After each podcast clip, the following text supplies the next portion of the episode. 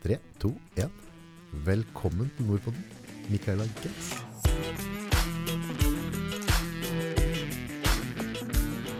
Takk for det. Det er storfint fremmed fra Oslo og greier. Fryktelig òg, det.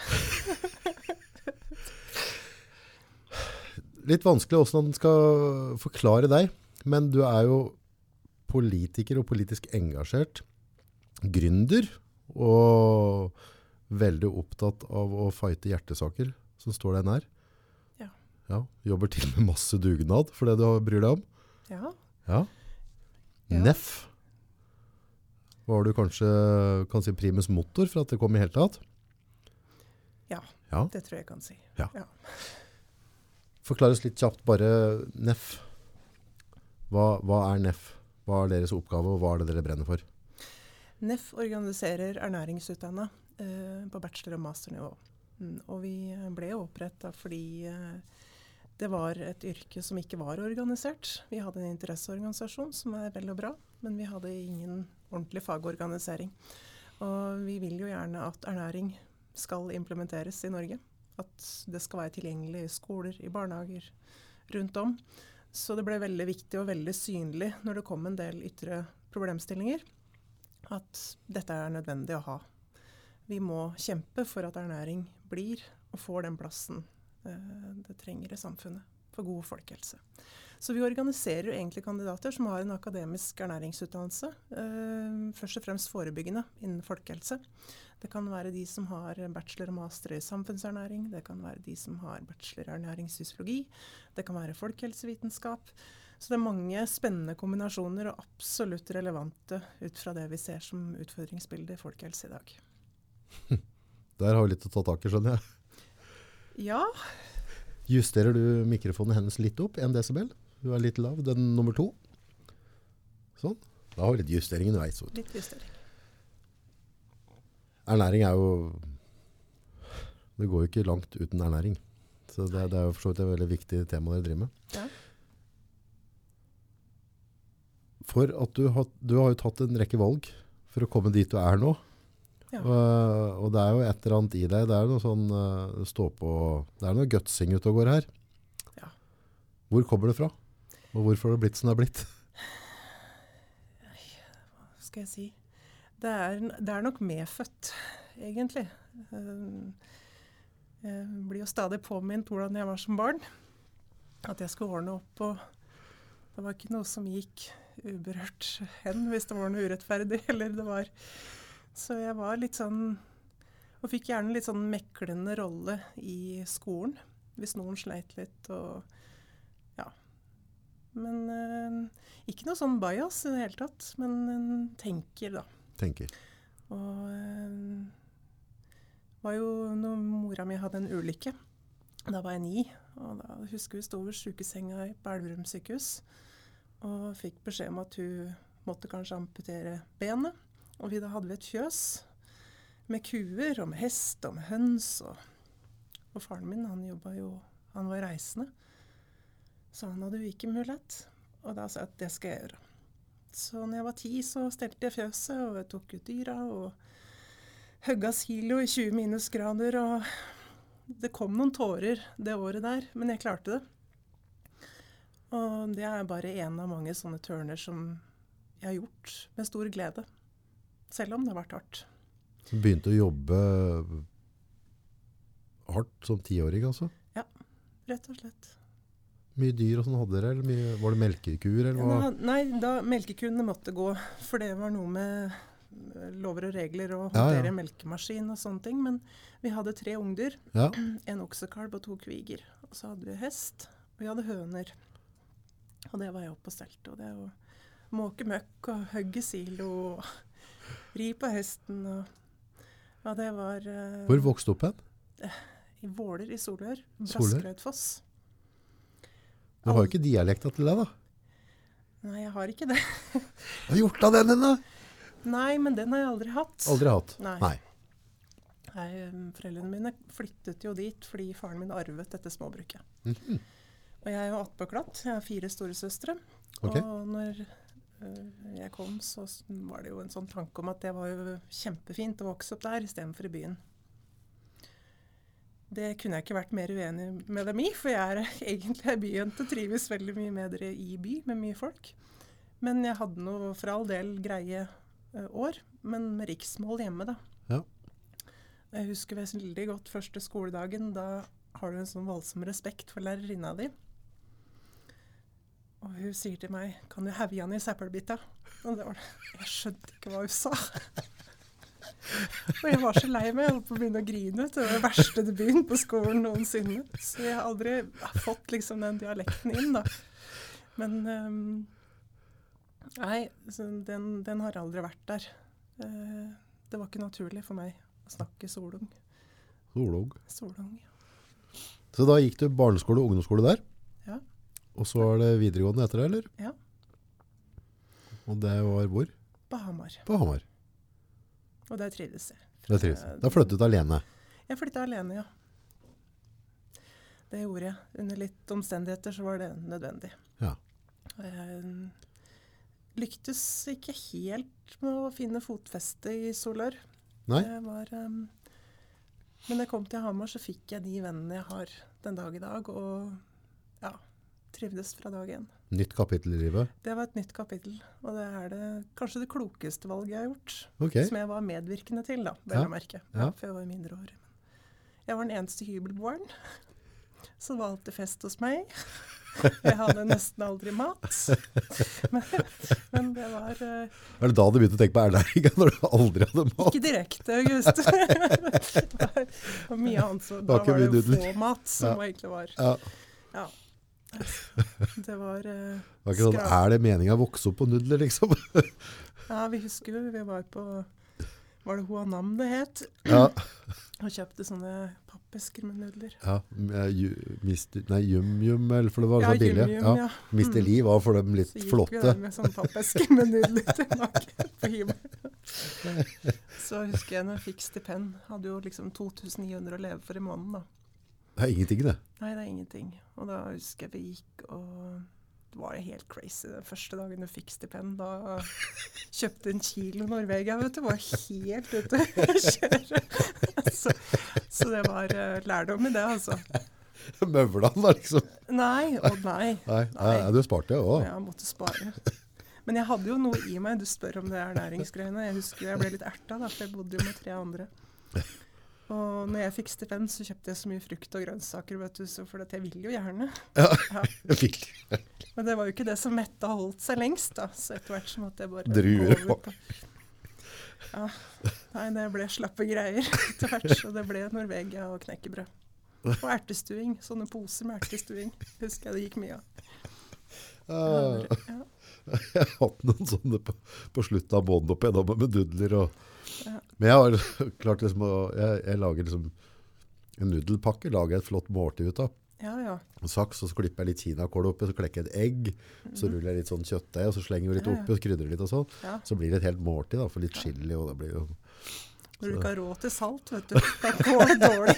Da må du bare ta det du får.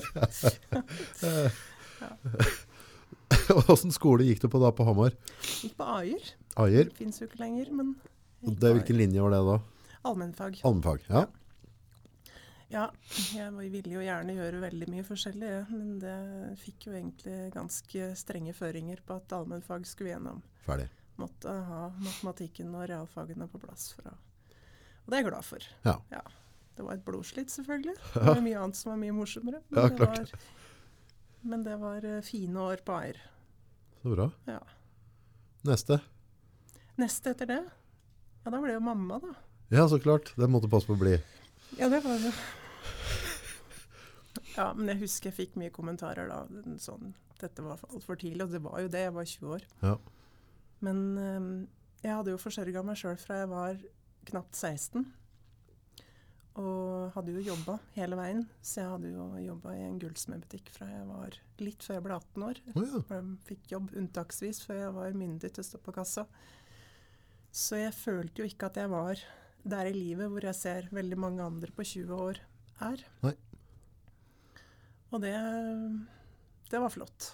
Kost meg veldig med det. Så bra. Ja, du vet jo hvordan det er. Ja, det er jo ikke noe som er noe så veldig mye bedre, tror jeg. Nei, husker jeg fikk litt panikk på vei hjem fra sykehus, for han var så fin. Var så Tenkte fin. skal jeg passe på han? Han som er så fin. Er dette mitt ansvar? Ja, han har jo liksom alt er på stell med tær og Ja, nese og ører er der de skal. og Alt, Alt er er. Ja. Så jeg husker det kom noen sånne tårer som var litt prega av at oi, nå, Nå er det nå alvor. er det alvor, ja. Men det har bare vært utelukkende bra. Ja, det er jo kjempe... Altså, vi er veldig... Altså, bare få lov til å ha friske unger, det er jo helt magisk. Ja, ja. Det, Det er ikke en selvfølge, det er ikke en selvfølge. Nei. så det skal du være takknemlig for. Men du, du, er, du, er, du er jo mamma ennå, men du, du er jo så mye mer enn mamma. Hvordan gikk veien videre? Nei, som eh, faren til min sønn, han er jo en superfin kar, og han er brumunddøl. Ja. Og vi endte her. Og um, jeg hadde jo tenkt meg egentlig ut på feltarbeid når jeg skal, før jeg fikk vite at jeg skulle ha sønnen min. Eh, og hadde tenkt meg ut. Jeg hadde tenkt å bo i Tyskland en stund og hadde jo liksom Oh. veldig mye planer, egentlig. Og så um, har jeg alltid likt at det skjer veldig mye rundt meg.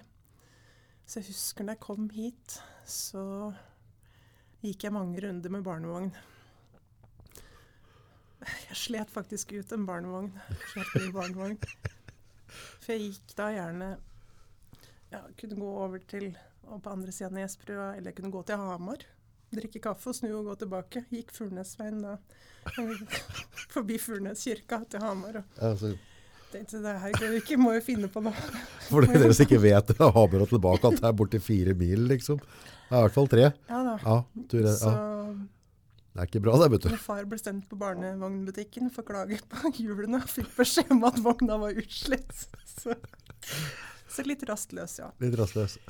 ja. Så slo det meg at det var jo egentlig ikke noe sånn Det var jo bakeren, da, som det har vært i alle år. Kjempeviktig sted, samlingssted. Men det var egentlig ikke noe særlig mer enn det. Og når, jeg husker når vi kom, dette var jo da i 2004, eh, starten av 2005, så var det allerede en sånn Jeg hadde inntrykk av at uh, det skjedde mye spennende her, da. At hun var veldig fremoverlent. Så da kom jo ideen etter hvert sammen med venninne om å starte kafé. Og det var jo litt sånn Ja, Nå kjører vi. nå gjør vi det. Ja. Ferdig snakka. Og så var jo det kjempeartig en stund. Um, men det var jo et blodslitt. Og um, Mye lange dager. Ja, det var uh, Hva var den største utfordringen med å drikke kaffe?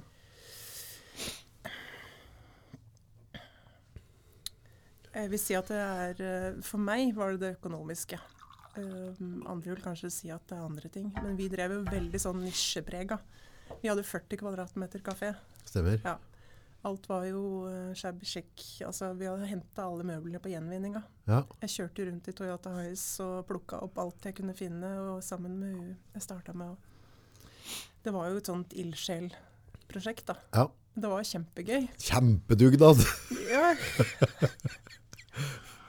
og jeg husker jo han eh, matkritikeren i HA skrev at her gynger bord i takt med musikken. For det var jo så mye sånne ja.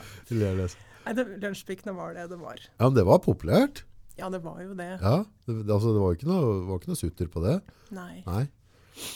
Men jeg fikk jo kommentarer som var sånn ehm, Idealismens tid er forbi den, Mikaela.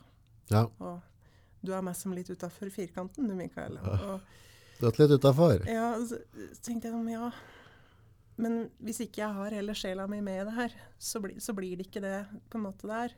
Og det var nok det som jeg var Jeg var veldig ung og brente rett og slett ut alt jeg hadde å gi. Til slutt så hadde jeg ikke noe mer å gi.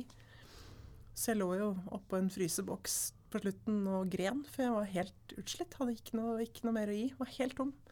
Så jeg klarte tre, tre år, men det har jeg betalt dyrt for. eh, at det var tøft. Og flott utdannelse. Ja. Det er noe å ta med seg videre i livet. Alle kaker bakte vi sjøl. Vi gjorde alt sjøl. Alt var liksom laga ferskt. Dro og kjøpte varer. Så stengt klokka fire, så var det kjøre på Hamar og hente varer. Eh, Plukke grønnsaker sjøl.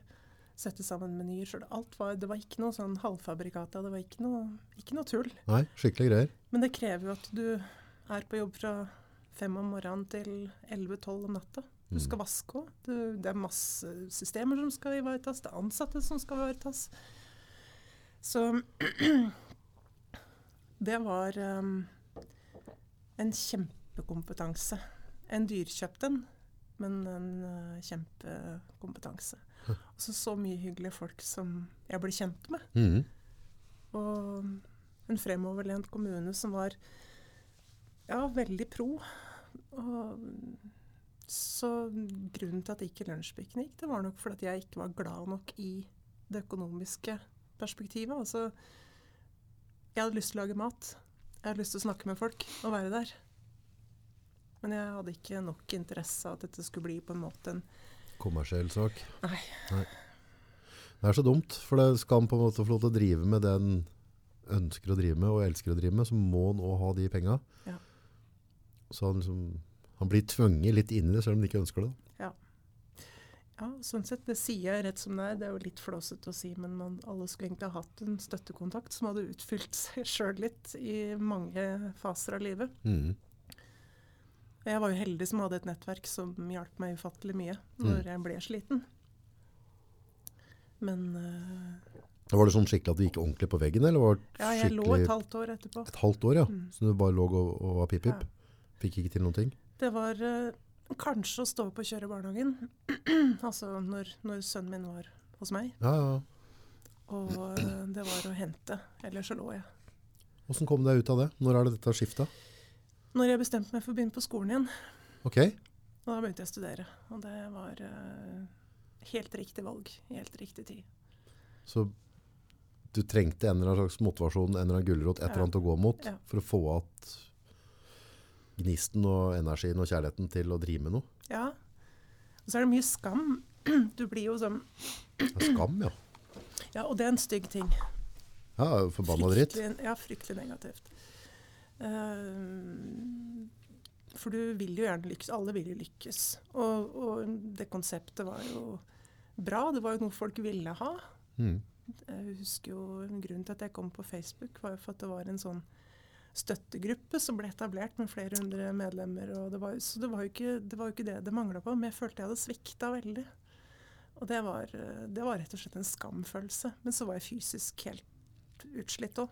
Og da var det han, sønnen min, som var prioriteringen. Så klart. Men jeg hadde jo ikke klart det uten familie og venner rundt meg, da. Men jeg tror veldig få vet hvor mye jeg slet med den Egentlig. skammen etterpå, da. Mm. Mm. Men uh, Skam, det er noen rare greier. ja, det er noe Og så er det så jævlig bortkasta, for det er, det er, det et eller annet piss du skaper opp i skolten din sjøl. Ja, liksom, si. ja, ja, men det blir jo litt sånn. Altså, vi overtenker ting, eller altså Det er Det er noen som spiller musikk her. Ja. Det er en eller annen jeg hørte prate her, og han sa det at hvis du gjør en feil, da, du går på en smell eller et eller annet, mm. sett på klokka på telefonen din på nedtelling på fem minutter, så har du fem minutter så du kan synes synd på deg sjøl Mm. og føle på skammen og henge litt med huet, og så piper den klokka og sier at dette får jeg ikke gjort noe med. Og så går vi videre. Og det var jo akkurat det jeg gjorde der. Jeg syns ikke synd på meg sjøl, det, det er litt viktig å si. Mm. Eh, men det var nok heller motsatt. At den snur det Hata. innover. Og det skal sies at jeg fikk ikke ett negativt ord fra noen i den prosessen hvor det på en måte ikke gikk mer. Det var bare positivt. Men eh, ja, du blir eh, Sjølskuffelse. Ja, Den er stygg. den er stygg. Den er verre. Altså, hvis, eh, hvis du sier at vi fader og skuffa jeg over deg, August, Mm. så, så tar jeg det til meg og syns ikke det er noe ålreit. Men den, den skuffelsen jeg har hatt til meg sjøl opp igjennom, den er det ingen som klarer å overgå. Nei. For den er ganske sårende. Ja. På en eller annen måte, og du, jeg vet at jeg kunne ha gjort bedre, eller, altså, men likevel så gjorde altså, Det er egentlig nå kanskje første to siste åra.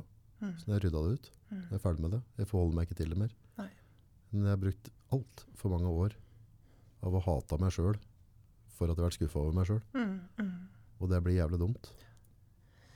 Ja, jeg gjorde nok et grep der som Jeg vet at revisorer rundt omkring vil si at det er verre enn å være utro omtrent, men eh, jeg husker jeg sto der sånn på slutten, og det var jo var helt ferdig. Og hadde jo på en måte Det var jo ikke noe annen vei enn å, å stenge. For lunsjpikene ble meg, og jeg ble lunsjpikene. Så det var jo på en måte Ja. Og da var det Det var rett før jul. Og det var uh, lønningstid. Jeg hadde penger til enten å betale skatt og uh, arbeidsgiveravgift eller lønn. Så jeg husker jeg tok kontakt med Nav og spurte Lønnsgarantifondet altså hvor lang tid tar det før de får lønn. Dette var folk som skulle hjem og kjøpe julegaver til ungene sine. Og, Mm. og det kunne ta tre måneder til et halvt år. Og da gjorde jeg det valget, da, at jeg betalte lønn. Ja, jeg er så fornuftig. Alt annet var Det har jeg jo brent i helvete, unnskyld for uttrykket for i ettertid. Men, Ja, men da får det bare brenne. Men jeg har hatt øh, støtte, og jeg kjente veldig på at eh, det var det eneste ryddige å gjøre. Det Det, er ikke jeg, noe- jeg så ikke noe annet valg. Nei, det er ikke noe annet. Det var, og jeg betalte ikke lønn til meg sjøl, så det er litt viktig å si. Det Mm. var ikke på min konto pengene gikk. Nei. Det var eh, et helt bevisst valg, som andre vil riste på huet av, men som Jeg så ikke det som noe alternativ. Tenker den, hvis det er noen som har ristet på huet på det, så mista de stemmeretten idet de rista på huet. Sånne gidder vi ikke høre på. Altså, du, du, har det, du fører jo lønn til dem som har vært med og, og drevet og hjulpet deg Ja, inn mot jul. Det er ikke noe tema. Da, da får de bare komme altså, skattetrollet etterpå. Ja, Da fikk du skattetrollet, da. det- Kom det flygende, da? Ja da. Ja. Så det tok litt tid, det, for å få det på stell. Ja, Men, du fikk rydda opp i det? Ja, fikk rydda opp i det. Ja. Fikk jo hjelp av banken her, og fikk jo ordna opp i det. Men jeg har betalt med gaffel. Det har jeg gjort. ja, for du må jo ikke se dem å legge på litt, da. Nei, nei altså, jeg, men jeg var så veldig forberedt på det. Jeg tenkte at eh, Og det var nok mye av det den skammen gikk ut på. At jeg skulle gjerne sett at jeg hadde liksom klart å gjøre rent bord og komme à jour med alle. Og, og syntes jo det var vondt. Mm. Men jeg var også veldig forberedt på at det blir jo en beinkamp i hvert fall tre-fire år til etterpå. Mm. For det er um, noen hundre tusen. Det er eh, lite når du får dem, egentlig, men det er veldig mye når du skal betale det tilbake. Og masse penger, det. Det er masse penger. Så er det sånn derre Hvis du på en måte skal drive sparke deg sjøl i ræva på det, på en måte hvorfor det ble som det ble. Men, men jeg tror eh, hvis du er en gründer, og du er på en måte positiv av natur og ønsker en måned til, så snur det. En måned til, så snur det. Og så til slutt så pokker. Det snur ikke. Og så Det er det som er tøft Ja. med de tallene. Ja. Og jo større du driver, jo fortere går dette bakover. Mm. For får liksom, det, er liksom, det er ikke sånn at det er, er det 10 000 etterslep. Mm. Så har vi alle noen vi kan ringe. Men det er liksom 200-300 altså, Hvor skal du ringe da, egentlig? Ja. Det, i, I min verden fins altså det, Ja, Nei. du eh, Nei, så det, den skamfølelsen gikk nok mye på det som du var innom der. Mm. At du, du ser jo at det er et marked. Du ser jo at det kan kanskje gå hvis du får liksom julestria i bånn, liksom. Får det julebordet der, og så liksom Og så står du på andre siden, og så ser du at du klarer ikke alt allikevel. Og da er det mennesker, faktisk. Selv om skattepenger òg er mennesker. Det er jo viktig å si. Mm. Jo, jo, Selvfølgelig. Jo. Og det skal betales. Men eh, da blir det liksom veldig personlig, det, det valget du gjør der. Ja. Sånn sett så tror jeg det er vanskelig å være gründer og ha en liten bedrift. Når, eh, for det, du blir jo veldig farga av Mm. de som har stått der med deg, da. I de ukene og de månedene du har tøyd strikken og tøyd strikken og tøyd strikken. Og, um, Men det menneskelige sida av det er, altså, bare for å si det rett ut, da, for det valget du tok der med, med skattevesenet og sånne ting, hadde du valgt å betale skatt og ikke lønn, så er det et problem å respektere deg. Men uh, det er interessant å høre. Det Ja. er første gang noen har sagt sånn. ja, det, er, det, er, det er ikke tema engang. Folka går først, Uh, og de folka rundt deg mm. vil alltid stå. Og, og dem har det en gjeld til som du skal ordne opp med. Og det, det er det viktigste. Ja, ja. Skattevesenet kan bare reise. ja, ja. Da får de bare komme. Altså for dem får, altså dem ta, ja, dem kommer, altså, ja, ja, ja. Det er ikke sånn at dem ikke får kjøpt gave til ungene sine med det første. Nei, da, Det er ikke det som bikker det. Så det, annen ting er å drive med skattesvindel. Ja, Men altså når vi handler i god tro, og vi en måned til, en måned til, og er du gründer og står på jern, så det er jo ikke sånn at liksom, vi begynner ikke av. Vi vet at det skal være tungt. Alle vet det. ja. Du får beskjed det. De første tre åra tjener du ikke penger. Nei, nei, nei. Alle vet det. Ja. Og da regner du med at vi skal jo komme gjennom den tunnelen og møte lyset en gang. Da. Ja, ja. Altså, det skal du være stolt av at du gjorde. Det er, det er tøft. Takk. Ja, sånn setter jeg pris på. Ja. Ja. Det er jo en, eh, det er en dyrekjøpt erfaring. Altså Ja. Alle som har vært gründere eller prøvd å få til ting Ja. sjøl, vet jo det der. Og um, jeg er veldig enig i de som sier det at jeg tror det er en fordel når du kommer på en måte i organisasjon eller politiske livet, at du har prøvd å hatt skoen på, som det heter så fint. Det får ikke folk tatt fra deg. For jeg har aldri vært noen profitør. Uh, og jeg syns jo enkelte ganger at den blir litt uglesett også som, som gründer. For det er et blodslitt. Mm. Og det, det er ganske mye komplekse ting som kommer inn i bildet når du ikke tjener penger. For det skjer jo noe med deg òg. Med motivasjon. Og det, ikke minst blir du sjuk. Uh, du må forsikres. Du må, altså det, er, det er en kjempekompetanse. Mm. Du lærer så vanvittig mye. Og de har veldig respekt for de som Å lære, lære masse av det. Og og så tror jeg i um, Det vil alltid være variabler, men eh, i en tidlig fase der du på en måte er, må være hands on på alt, det er kanskje den tøffeste.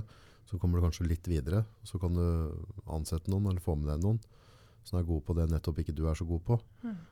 Uh, og da skulle du på en måte egentlig kanskje de lunsjpikene, åpne avdeling, Gjøvik, Elverum osv. Men det er det å komme over den derre baugen.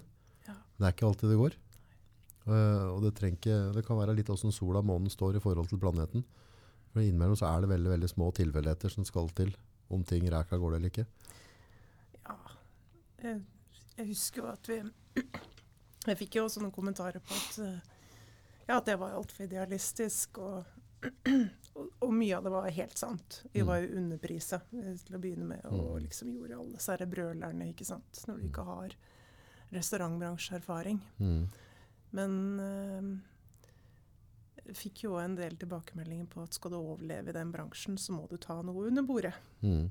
Og det fikk ikke. Det, det klarte jeg ikke. Nei. Eh, Da hadde du på en måte møtt døra tidligere, da hadde du begynt Yes. å nappe ut under. Så Det husker jeg var første gang jeg ble sånn ordentlig skuffa. Er det sånn det fungerer? mm.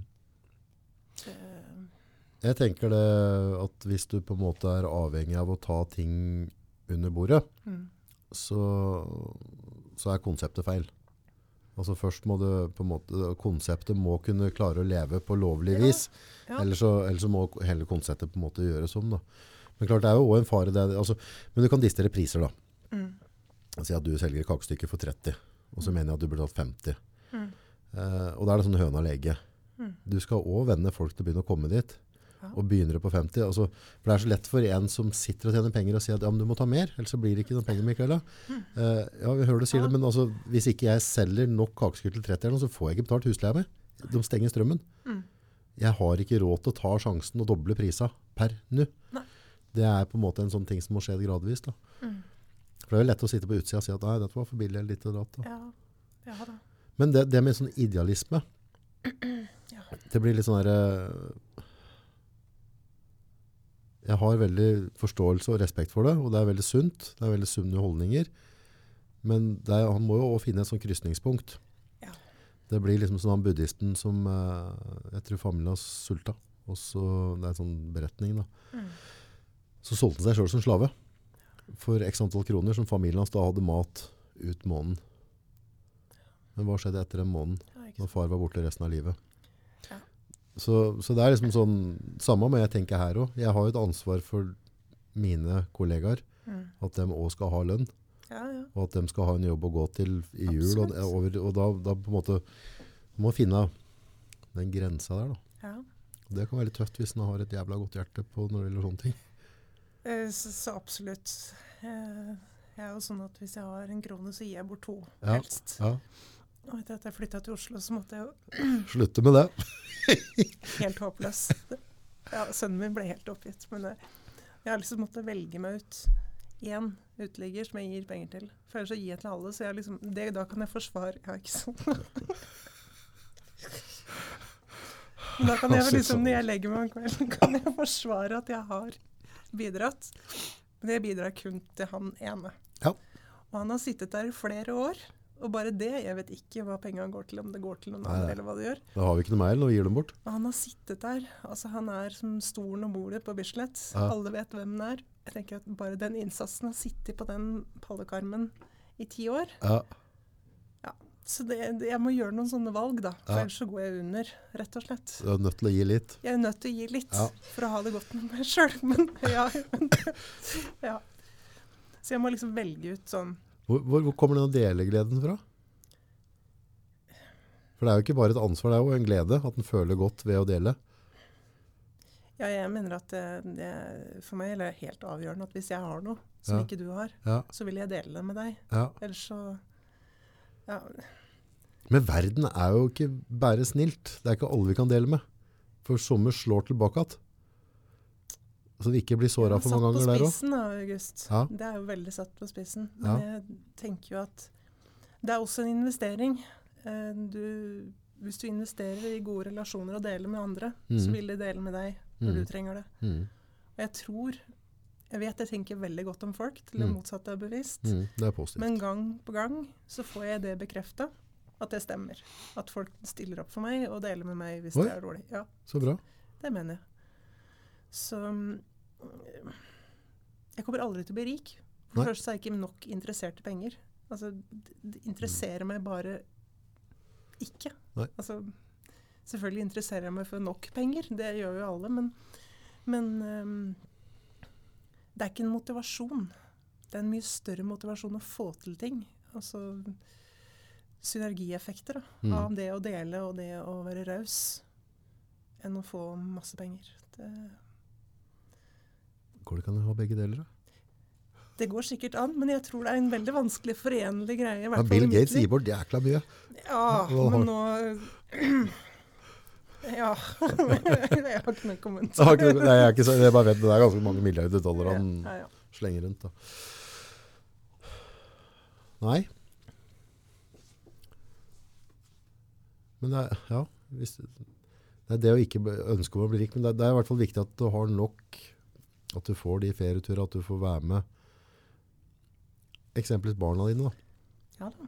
når de skal ut på boligmarkedet og sånne ting. Du har ikke noe, du har ikke noe indre motor i å kunne få mulighet til å bidra noe der.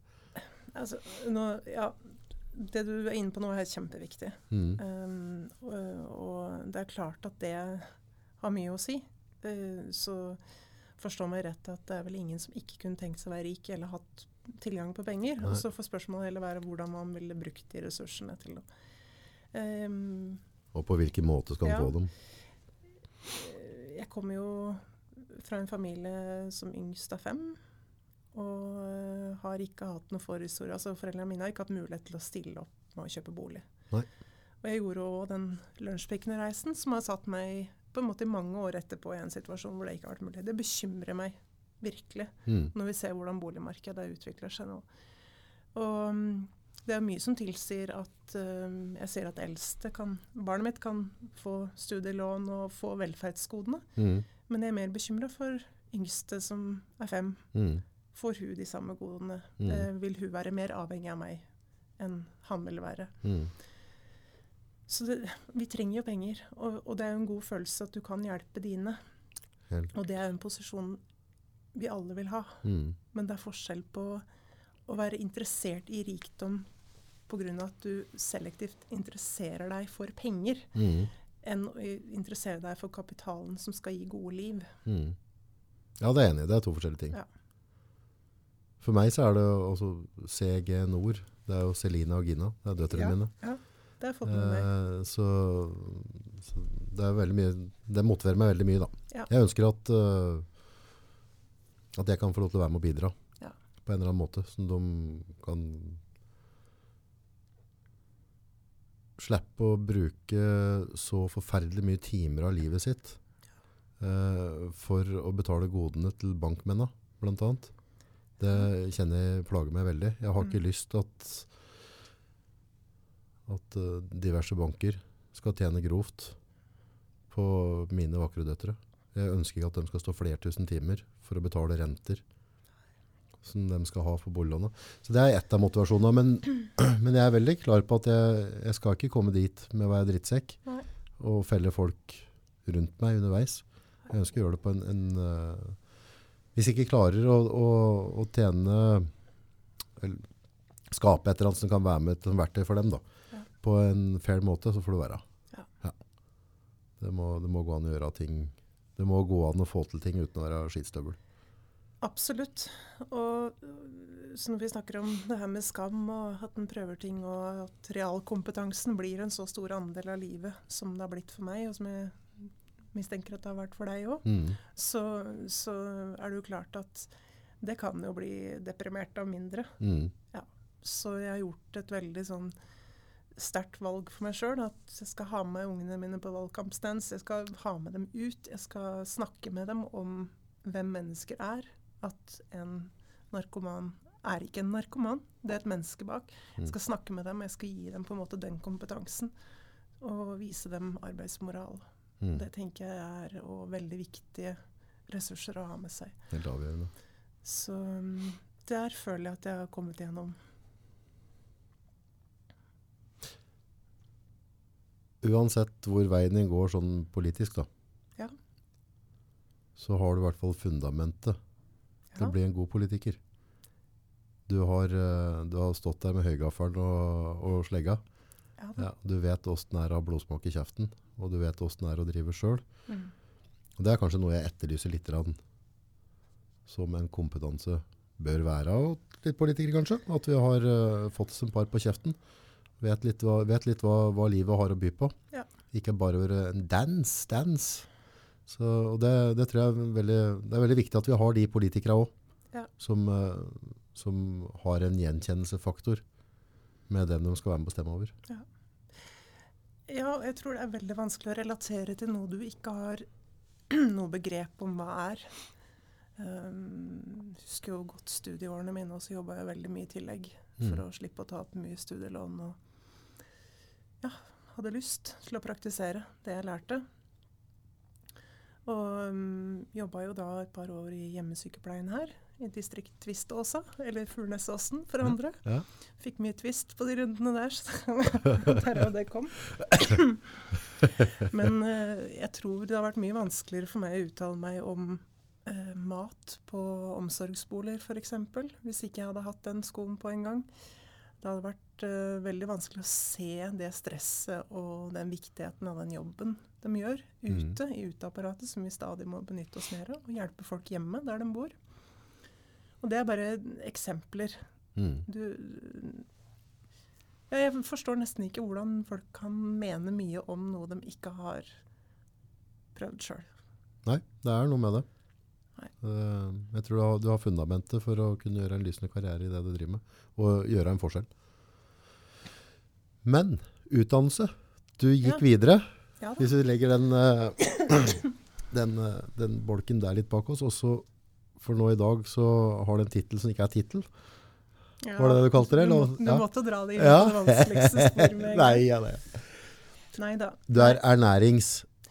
Eh, Jeg har en bachelorgrad i ernæringsfysiologi. Ja, det vil si at du kan forferdelig mye om mat og næring Ja. og tanker rundt det. Det vil jeg våge å påstå. Ja. Ja.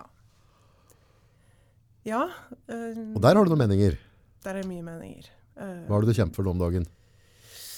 Akkurat nå er det skolemat. Skolemat. Ja. Hvorfor er det så viktig?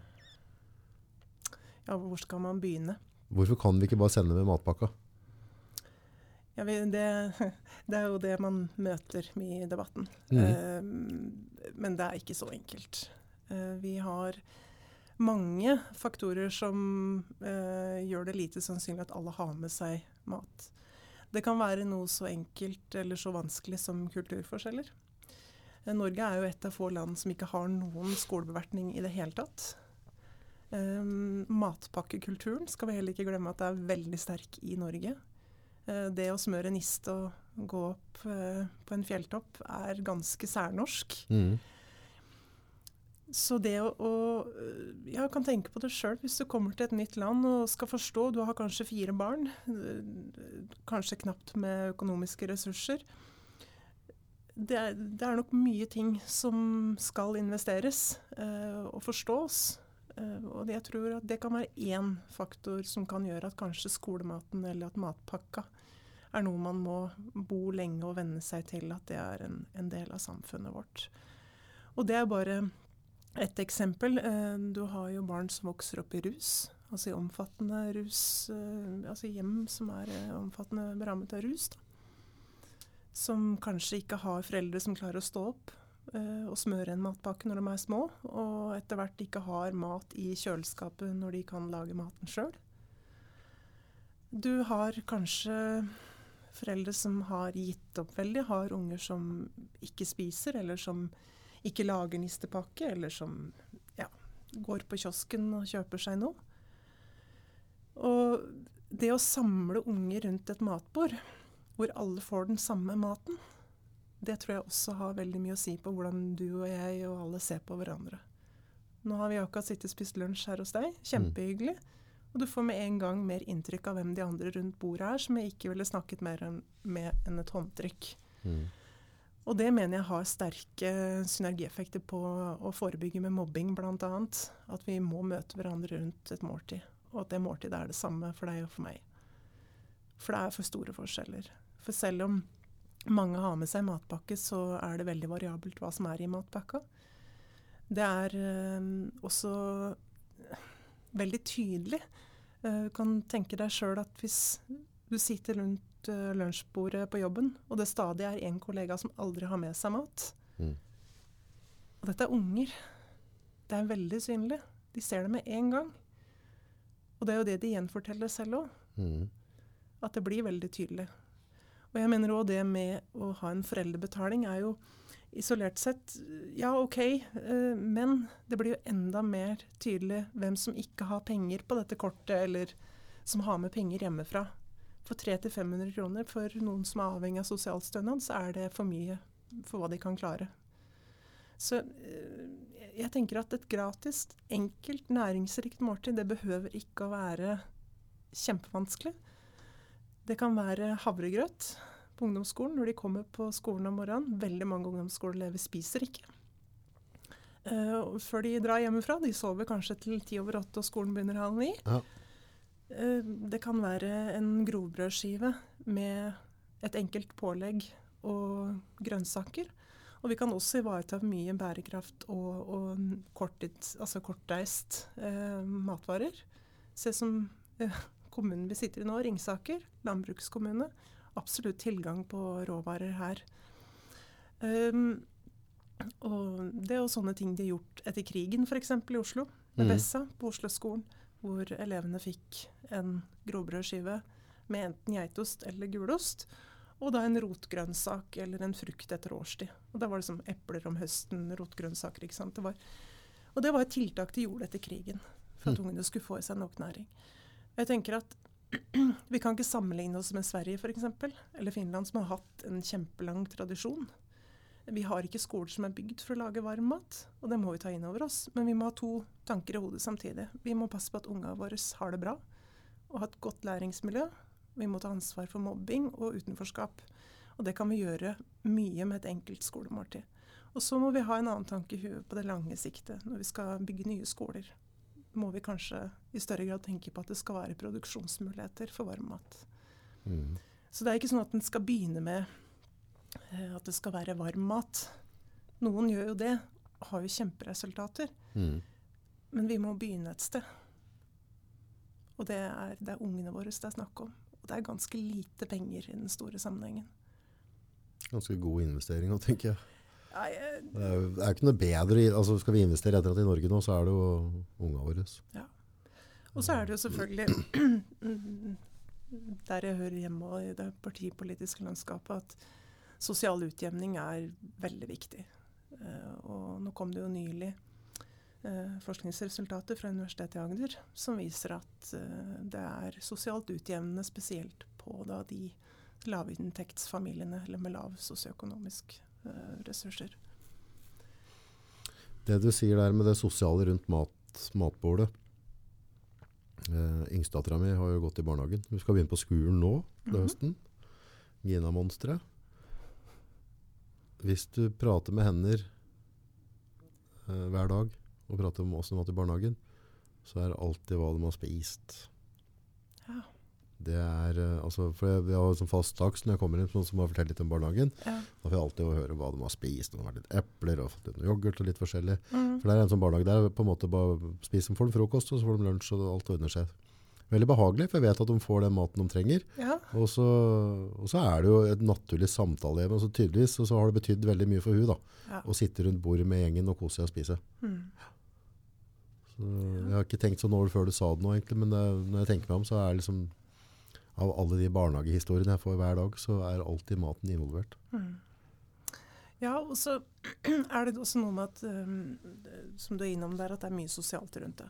Uh, med å se hverandre på lik, likt nivå.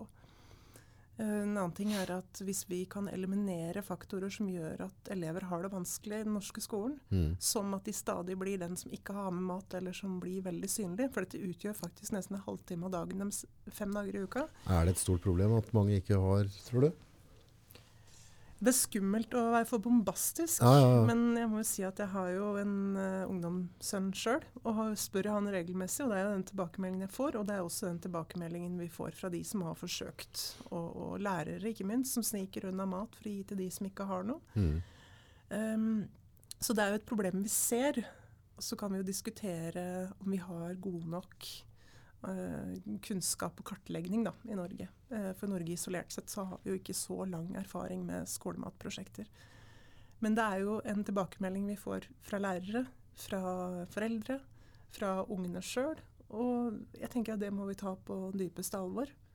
For rammer det 3% så er det 3% for mange. Og jeg mener at man skal ikke falle gjennom pga. en matpakke. De pengene de skal vi bruke på ungene våre.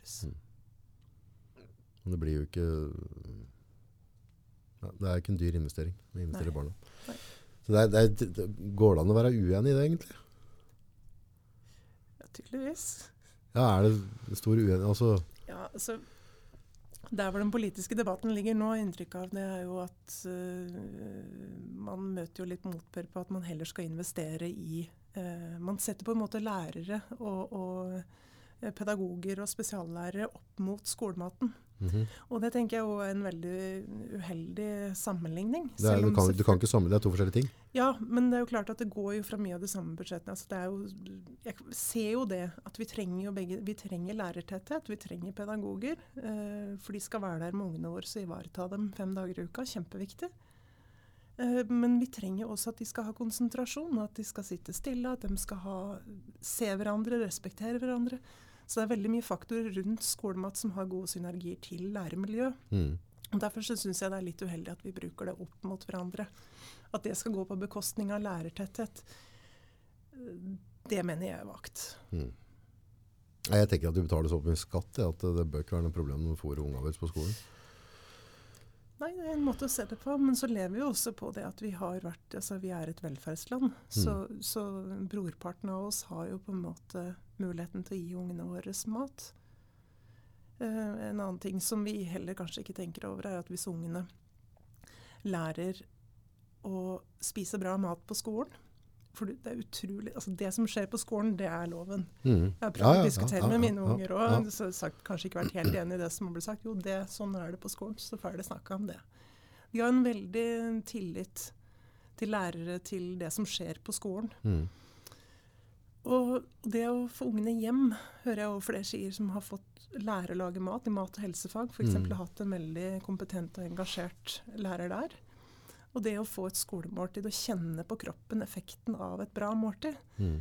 det kan jo også potensielt sett smitte over i hjemmet. Så Ja, det var Ja. litt som vi prata om uh, før vi begynte å podde her. Mm. Så, så jeg, det er forstått min påstand, og det kan jo være feil, men jeg mener at eh, aldersgruppa mi da, oppover mm, kan ikke nok om riktig ernæring. Eh, hva gjør karbohydrat med, hva gjør fettsyrer, altså hva gjør proteiner? Hvor finner vi de forskjellige greiene? At vi, vi spiser bare for at vi spiser ut av en rutine. mm, Og jeg tror det å bruke masse, masse energi på meg og alderen oppover, mm, er en dårlig investering kontra å gi barna våre gode matvaner som de kan ta med inn i neste generasjon. Så for landet Norge og helse, altså vi tenker diabetes, altså det, det er masse, masse eh, type sykdommer som kan utløses av dårlig kost også. mm, og mye problemer med kroppen skal løses ut av kropp, altså av, av, av kost, Mm. så tror jeg det er et kvantesprang for Norge å kunne på en måte vise, ikke bare på en måte sende en brosjyre, men bare vise, la dem få føle på det, og, og skjønne hva er forskjellen på en søtpotet og en vanlig potet. Ja da. Ja, så absolutt. Og jeg tenker at du er innom det med at uh, du og jeg, vi er på en måte midt i livet og skal mm, Ja. Vår oppvekst det ble det den ble. Ja, ja, ja. Men vi har, det er vår vakt, og vi har et stort ansvar for at våre unger og kommende unger får best mulig ja, hva skal jeg si, verktøy i kassa si. Ja. For de skal jo takle klimautfordringer, de skal takle kanskje dårligere økonomi enn vi har gjort. Altså det, det er mange andre ting. Men hvis vi ikke kan investere i at de skal være sunne, friske unger, da syns jeg vi har problemer. Mm. Og dette er jo en del av det som går igjen med forebyggende ernæringsarbeid generelt. Vi mener jo at det bør være mye mer forebyggende fokus Mm. Over hele linja. Mm. Uh, Vi behandler, og vi har penger til å behandle, og vi har også et godt helsesystem, vil jeg våge å, å påstå. Mm. Men vi, uh, vi forebygger i svimlende liten grad, Mm. og det kan ikke jeg se økonomien i. Nei. Og forebygge kan vi gjøre veldig, veldig mye mat. Det blir litt som uh, eldstedattera mi med egg. Hun syns egg er ålreit, men plomma er ikke så ålreit. Okay. Og så forteller jeg liksom på en måte hva er i plomma, da. Mm. Uh, og så driver liksom og tar det push og trener. Så, så, I plomma så har du annet lesetin, Du har noen veldig viktige fettsyrer. Mm. Så er det mye proteiner. Det er veldig viktig for deg å få. Etter det så har jeg spist plomme. For da skjønte jeg poenget i plomma. Ja. At, uh, at den faktisk har en betydning for kroppen hennes, og hvordan hun vokser til, og konsentrasjon på skolen, Ja. ikke minst. Ja. Så, så hun vil helst ha et egg om dagen nå, da, for hun vet det er litt sunt å få den eggeplomma. Akkurat. Så, men det skal ikke mer til. Men det er noe med at vi må forklare dem det. Og noen må forklare det til meg, sånn jeg skjønner faktisk Ja. forskjellen på det. Ja, og det, det Hadde vi fått ungene våre til å forklare oss det, så tror jeg da er vi et skritt nærmere på neste generasjon. Ja, jeg husker jo jeg fleipa litt med det. Jeg var nyutdanna og hadde litt sånn yrkesdepresjon før jeg hadde begynt nesten. Jeg tenkte at dette er jo sånn som folk veit. De vet jo at de ikke skal spise for mye sånn. Og Ja, sånn. ja, nei du. Men det er altså et utrolig eh, behov. Eh, og spesielt i system, eh, tror jeg. Sånn som i barnehager, skoler. Um, for det rekrutterer mye bevisstgjøring rundt enkeltindividet, altså Mm. indirekte. da. Så, så på systemnivå så syns jeg Norge har en lang vei å gå. Altså, jeg hadde voksne mennesker som har hjert med dietter. Jeg har jo hatt litt interesse for så forskjellige typer dietter. Og så har jeg vært på en type sånn lav karb-diett, og så får jeg en telefon fra folk som er på salderen min. Og, så kan jeg, og da vet de om de skal spise ikke noe særlig karbohydrater. Kan jeg spise mais?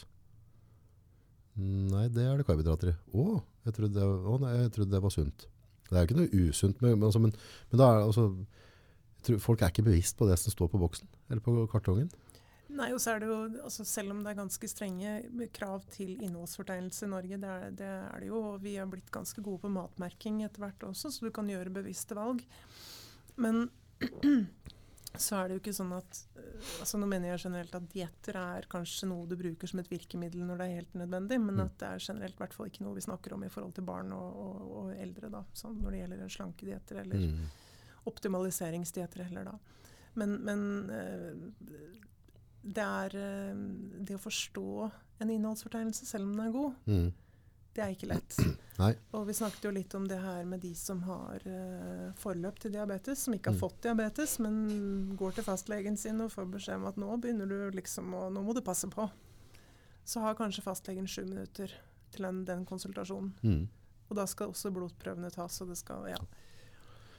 Den forståelsen her, altså det, var, det ikke med en uke siden. En kamerat som ringte og pratet på telefonen, og så drev han, han drev og skal gå litt ned, for det, han er for tung nå, så han skal ned. Hva var det han drev? Han drev i hvert fall lagde et eller annet. Og så sa jeg, ja, men her er det jo ikke noe mer enn en 18 gram med, med karb, så dette går greit, liksom. Jeg skal holde meg under så og så mange eller et eller annet. Ja, men har du ikke tatt hele posen i, liksom? Ja, men det står at det er 18. Ja, men det er per 100 gram. Ja. Å ja, ja, da bommer jeg, for jeg har hatt i 500 gram, jeg. Ikke sant? Ja, ja så, så kan man jo liksom si at eh, noen går til fastlegen og får den beskjeden og bare går helt inn i det og gjør en kjempeinnsats på egen hånd. Og det er litt det en mener at det er noe kanskje dette med forebygging på systemnivå, eller på altså at du Skulle ikke alle vite hva altså Hvis du får en asjett med Maddan skal det, altså Kroppen er det viktigste vi har. Uten kroppen og hjernen vår så er vi jo ferdig. Det, det er jo ingen av oss. Altså, er det ikke greit å vite hvor mye bør jeg ha av hver enkelt? For det er jo ikke sånn at, at uh, hvis du bare spiser en bolle med, med nudler hver dag, Mm. så er du på en måte covered. Du må jo ha noe fiber, du må ha fettsyre, du må ha mineraler. hvitt. Altså, det er en sammensetning, men jeg tror veldig, veldig, veldig mange er ikke klar over hva trenger kroppen min, og hva bør jeg ha i måltidene mine. Ja da. Og det er litt sånn krise, for da, da bare kommer det en asjett, og så spiser du det du får. Mm. Så har du ikke gjort noe tanke.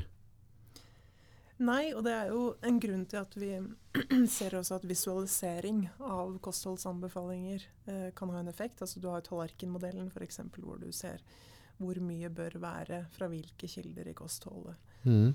Eh, visualisering hjelper mange. Men Ja. det hjelper deg ikke hvis du på en måte har en prediabetes f.eks. og ikke vet forskjellen på forskjellige pasta eller eh, fiberkilder. Da, Ja. da, da trenger du gå litt mer i materien, kanskje. Og det ser jeg jo fra min erfaring når jeg på en måte var aktiv i faget mitt òg, at det var utrolig mye vi kunne utrette med veldig små grep, Mm. egentlig. Men det krever kompetanse, og det krever ydmykhet, og det krever respekt for sin egen kropp. Mm. Så du skal ha ganske mye med deg, og du skal kunne motivere, men du må ha fagkompetansen i bunn. Mm. Og, og det er mange som ønsker seg den hjelpa òg, som ikke har tilgang på det. Og det er jo en annen ting som vi ideelt sett i foreningen vår eh, mener at det skal være en større tetthet av ernæringskompetanse, både klinisk og forebyggende, ute i Kommune-Norge. Fordi veldig mange har det kun i privat sektor. Eller du må på sykehus og bli skikkelig syk før du får den hjelpa du har Det krav holder Det holder ikke mål, ikke sant? Ikke sant. Eh, så i den ideelle verden så mener jeg at alle kommuner burde ha en eller annen form for ernæring og kompetanse tilknytta. Mhm. Jeg vil ha en jobb å gjøre der. Ja, en kjempejobb. Jobbe med det hver dag. Hver dag. Kjøre på. Det er ikke noe kjære mor. Nei. Nei, men jeg tror spesielt altså, hadde jeg, jeg hadde syntes det hadde vært veldig fint hvis folk hadde skjønt litt hva, hva det er jeg har i meg. At Mm. der, der skorter vi litt. Ja. At vi, vi tenker ikke over hva Det er liksom sånn Nei, jeg har slutta å drikke brus, liksom. Og så går du og kjøper deg en sånn 1,5 liter med juice. Ja. Ja, altså Ja. Potet, potet. Altså, se altså, Det kommer litt an på åssen juice du kjøper, så klart, og diverse og styr og stell. Men altså skal du få i deg de C-vitamin og appelsinjuicen, får du jogge i deg noe sukker òg. Ja. På de, eh, når du kjøper disse her, eh, 1,5 liter eh, bulka i sånn pappgreie, Ja. så begynner du å se på sukkerinnholdet der, som ikke er fiberbasert, så er det forholdsvis høyt. Du, det er ikke så, jeg tror ikke det skiller nesten ikke på det og cola. Altså. Nei. Nei Det er bare C-vitaminens forskjell hvis du drikker en liter av det. Liksom. Ja. Og så er det jo sånn at folk tror det er sunt. Mange tenker, ja, men jeg har bare drukket juice. Ok. Ja da. Og så har vi, vi har et vanvittig matvareutvalg i butikkene våre. Og, og det er ganske komplisert som f.eks. Jeg pleier jo ofte å si det at hvis jeg har hatt trange perioder økonomisk, eller jeg har hatt uh, veldig stressende perioder, så er jeg så glad for den utdannelsen din bare fordi at jeg kan gå inn i matbutikken og bare smakk, smakk, smakk. Det tar jeg med meg, og så kan jeg lage en billig, sunn, fullverdig middag. som Det er ikke lett. Og det er ikke lett. Nei, da skal du kunne litt. Altså, for å gå inn i en butikk nå uten å komme med curry full av karbohydrater eller sukker. Og det må vi ha litt respekt for. Ja. Og, og butikkene må strekke seg veldig langt. Det har jo skjedd mye, syns jeg. Jeg syns jo det er i større grad eh, sukkerfrie varer, smoothier, eh, fruktbeger og sånt som står i kassa. Mhm. Vet I enkelte steder i Tyskland så har de jo innført barnekasser med sukkerfrie sluser. Oi, så flott. Ja, så, det står, eh, så hvis man går med ungen i butikken, så skal man kunne gå igjennom ei sånn sluse uten at det ligger da Snickers og Kinderegg og sånn på begge sider. Så det gjøres jo mye tiltak rundt omkring. Ja, det er et godt tiltak, Veldig godt tiltak. for det skaper mye diskusjon. Disse Ja, greiene der. det gjør det. Eh, og så er det jo klart at man må ikke frata folk eh, rettighetene til å gjøre eget valg. Så det er en hårfin balanse. Ja ja da, men det er jo fortsatt i butikken, men det liksom, du trenger jo ikke å ha det høyden på unga. Nei. Det blir liksom, så jeg var inne på en, en Narvesen-kiosk, liksom, så har de plassert masse pornoblader i barnehøyde, liksom. Oi, Så stiller dattera mi spørsmål, så bare går jeg bort til kassa og spør hvem av dere har tenkt å bli med bort og så fortelle dattera mi om, eh, om meninga på det bladet dere selger der. Hva mener de om de bladet dere har der? liksom? Kan dere være så snill å gå bort og så ta den samtalen med hun òg? Liksom? Tar vi lek eller Donald i dag, Ja, liksom? så hva, hva, ble det til, liksom? Så ja, da skal ta det opp, da. Det er sånne ting. Altså, du må ikke. Nei. Nei, du må ikke ha Stratosen rett foran nesen på en femåring. Nei, også, så, så det, Det er jo en bevisst handling da, for, det er jo en bevisst handling. for å skape en konflikt som gjør at vi kjøper oss ut av konflikten. Ja. Og, men jeg, jeg tenker at man skal være veldig ha stor forståelse for at det er en kompetanse som ikke alle har. Og jeg syns det er merkelig at vi ikke har større fokus på det. Det er helt sprøtt. Ja. Det er det viktigste i livet. Det og vatten, liksom. Nei, jeg syns det er rart. Hva er det dere skal gjøre for å motvirke, eller på hvilken måte ønsker dere å påvirke nå? Dere har jo det med skolemat. Eller du i hvert fall. Ja, altså Livet mitt da, det er jo skrudd sammen litt sånn at jeg var på mitt første sånn alvorlig jobbintervju. Oi. Nå, nå, nå liksom nylig. Uh. Og, men det, egentlig var det litt illustrerende for meg, for det har liksom alltid ordna seg. Ja, det gjør det. Du? Du, Og snille folk. du er litt engasjert der og litt engasjert der. Og så helt fra jeg var liten, så var jeg med i Ungdom mot narkotika. Og, liksom, og det, det starta tidlig, da. Ja. Og så kommer du snakke med noen, og så kommer du snakke med en annen person, og så, ja, så, så blir det sånn. Uh, når vi flytta adressen til Oslo for et år siden, så hadde jeg jo ikke mine villeste fantasier. Trodde jeg skulle få mulighet til å stå på liste allerede nå. Ja, det er litt sprøtt. Så det syns jeg var kjempeartig. Og mm, det gir veldig mye, for du blir kjent med folk. Og jeg er veldig glad i å snakke med folk. Veldig engasjert. Så jeg, som, jeg har jo trinnkontakt for 10. trinn i Brumunddal, selv om jeg bor i Oslo. For der går sønnen Jeg er SU-leder i barnehagen i Oslo. Det, ikke sant? Ja, det kjører jeg på, Det bare, jeg kjører på. Da er det motsatt av meg. Jeg sniker med alt som er av dugnader. Du jeg har, Jeg har teknikk på dere. Å vi er en egen gruppe! Nei, jeg begynte å true med honorar på tredje året på barneskolen. Fordi, Ja, men da betaler jeg det, og så går jeg. ja, du, du er en av de, ja. Ja. Ja, ja, ok. Ja, men jeg får helt kula. av dere som har et sånn kjempeengasjement.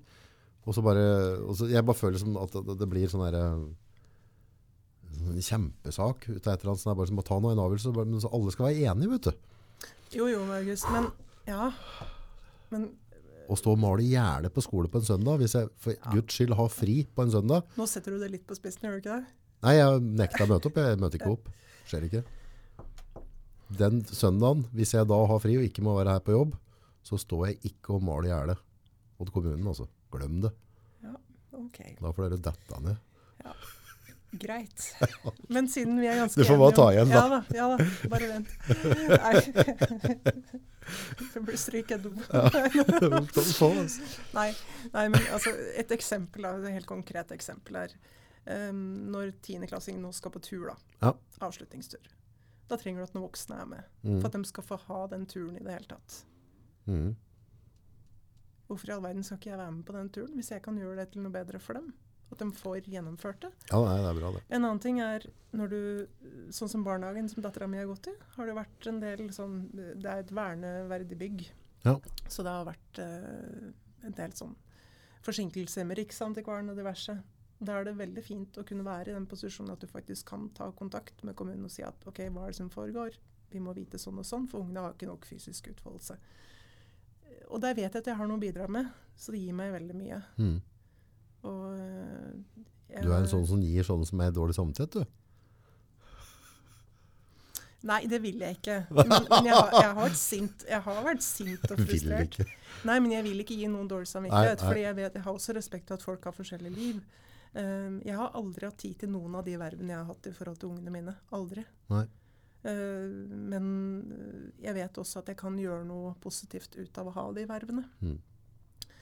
Uh, så, så det er ikke, snakker ikke om å gi andre dårlig samvittighet, men jeg har jo vært frustrert når du står ansvarlig for innsamlingsaksjonen f.eks. og folk nekter å være bøssebærere, Mm. og så skal du gå fire roder sjøl for at andre ikke går. Mm.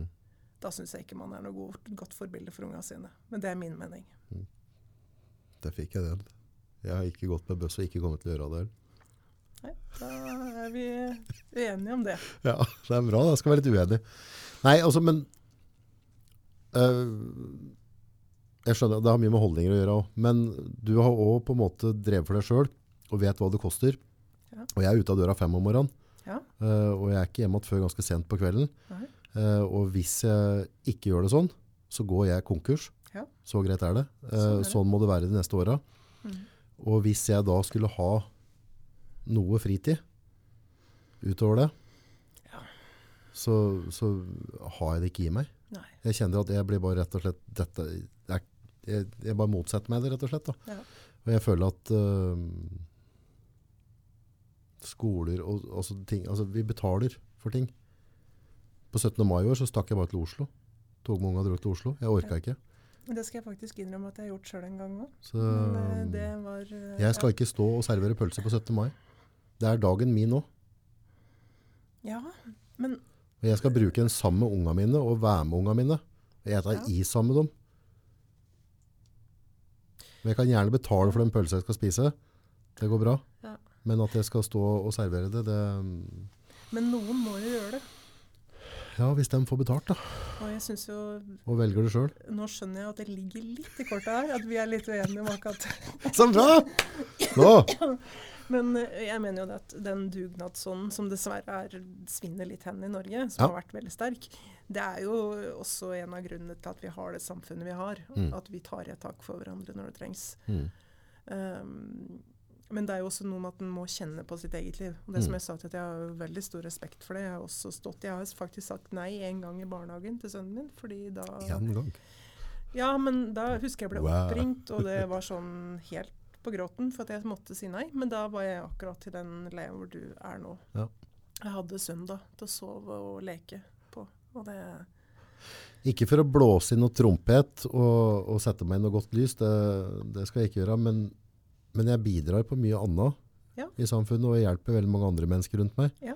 uh, i den jobben jeg gjør, og, og folk jeg har noe med å gjøre. Så, så det er ikke sånn at jeg på en måte er, jeg, Det er ikke riktig å kalle meg et egoistisk svin heller. Nei, det var Eh, dine ord, da, vel å merke. Ja, ja. Nei, ja, ja, ja, men altså. Så, men, så jeg føler på en måte at jeg gir jo òg noe. Mm. Men akkurat på den biten der så har jeg liksom ikke Har ikke klart. Nei. Har ikke hatt energi eller uh, Nei.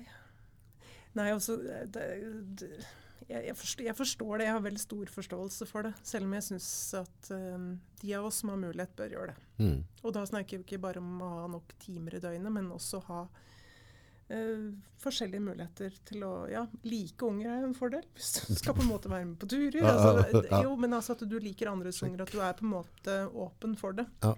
Så det, det, det er nå greit nok.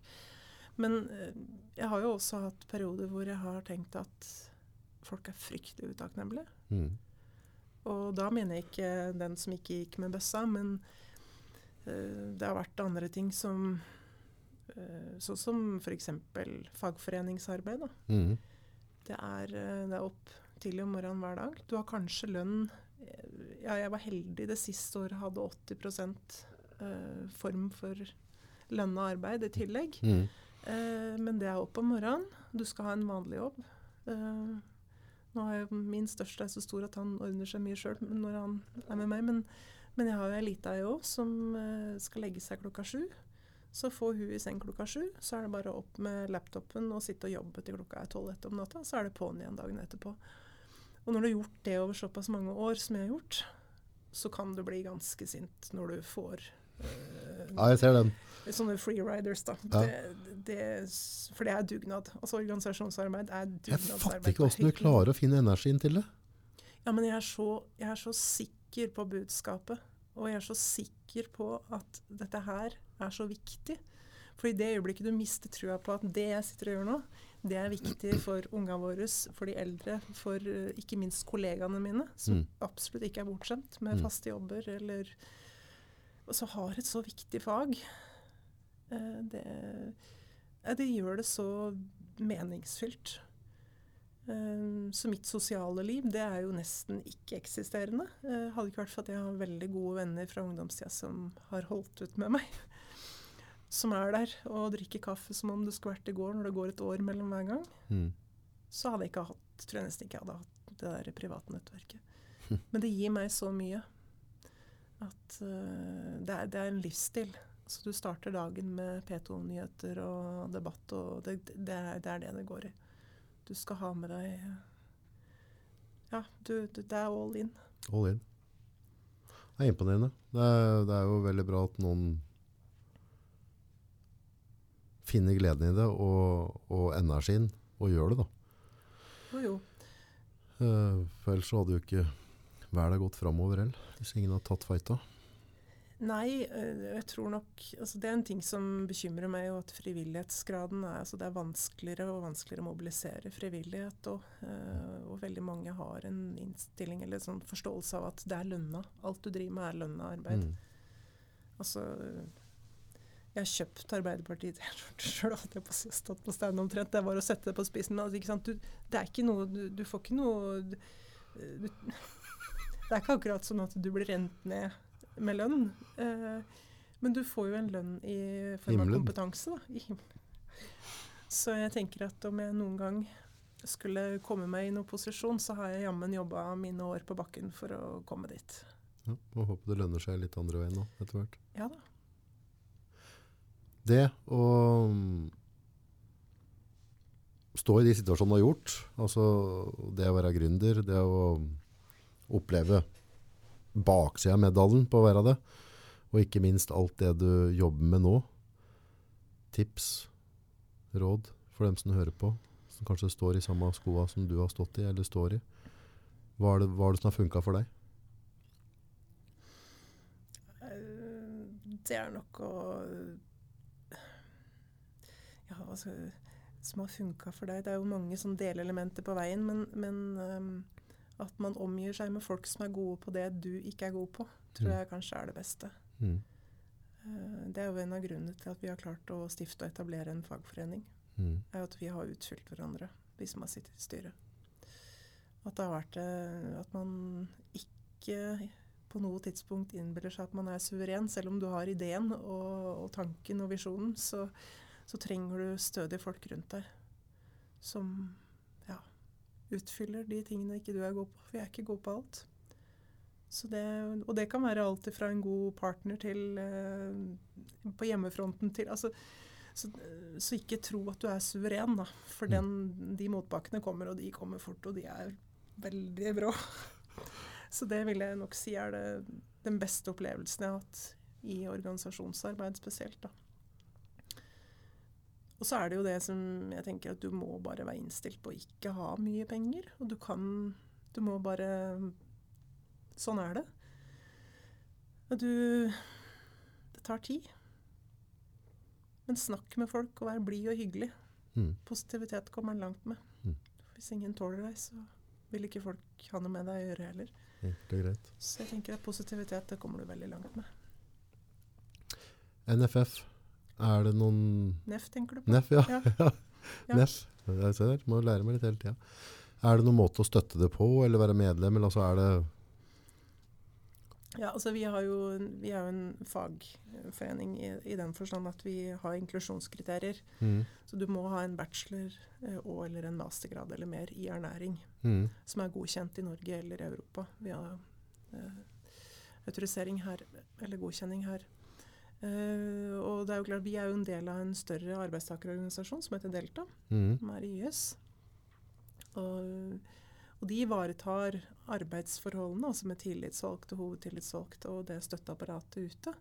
Mens vi i styret sitter og jobber mer som en uh, fag... Uh, altså en Hva skal jeg si en, Vi er jo da yrkesorganisasjonen, da, med mm. faget. Mm. Det er jo det som er viktig for oss. Og det er det som er veldig fint med å ha et sånt samarbeid med en arbeidstakerorganisasjon. Men det er jo på en måte ikke kommersialisert, vi, og, vi, og, det merker vi også skiller oss ut fra våre europeiske kollegaer, som har um, foreninger og forbund. At de får jo støtte fra store næringslivs... Uh, altså fra industrien. Mm. Nesle, f.eks. Mm det er ikke aktuelt i Norge. Og i hvert fall ikke i den bransjen vi driver. Uh, for dem er det kanskje helt avgjørende, men i og med at fagbevegelsen fortsatt er såpass sterk her, så har vi veldig mye muligheter med at én har faget under sinnet, og den andre har tillitsvalgt og uteapparatet. Mm. Dere er på sosiale medier, så gå an å Ja. følge med det der. Og dere deler kanskje noen saker som er interessant innimellom. Og, ja, det tror jeg absolutt. Du Ja. er jo godt over gjennomsnittet interessert, har jeg merka. Det visste jeg vel egentlig. Men, eh, men vi, eh, ja, vi, eh, som jeg sa til deg, vi hadde jo ikke vært hvis det ikke var for sosiale medier. mm. Så gå inn der, folkens, hvis det er noen som lurer Ja. på noe.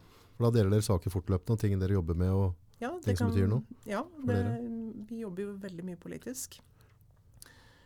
Så det er alt med å komme med høringsinnspill på relevante saker. Og det kan også være saker som kanskje ikke har direkte ernæring, men skal være indirekte, sånn som utdanningssaker, sånn som mat- og helsefag. Og så deler vi jo sånt som er mer eh, generelt interessant for allmuen, da, som eh, forskjellige dietter, forskning på forskjellige dietter. Det er litt spennende. ja, matmerking, norske matvarer, bærekraft, økologi. Ja. Så bra.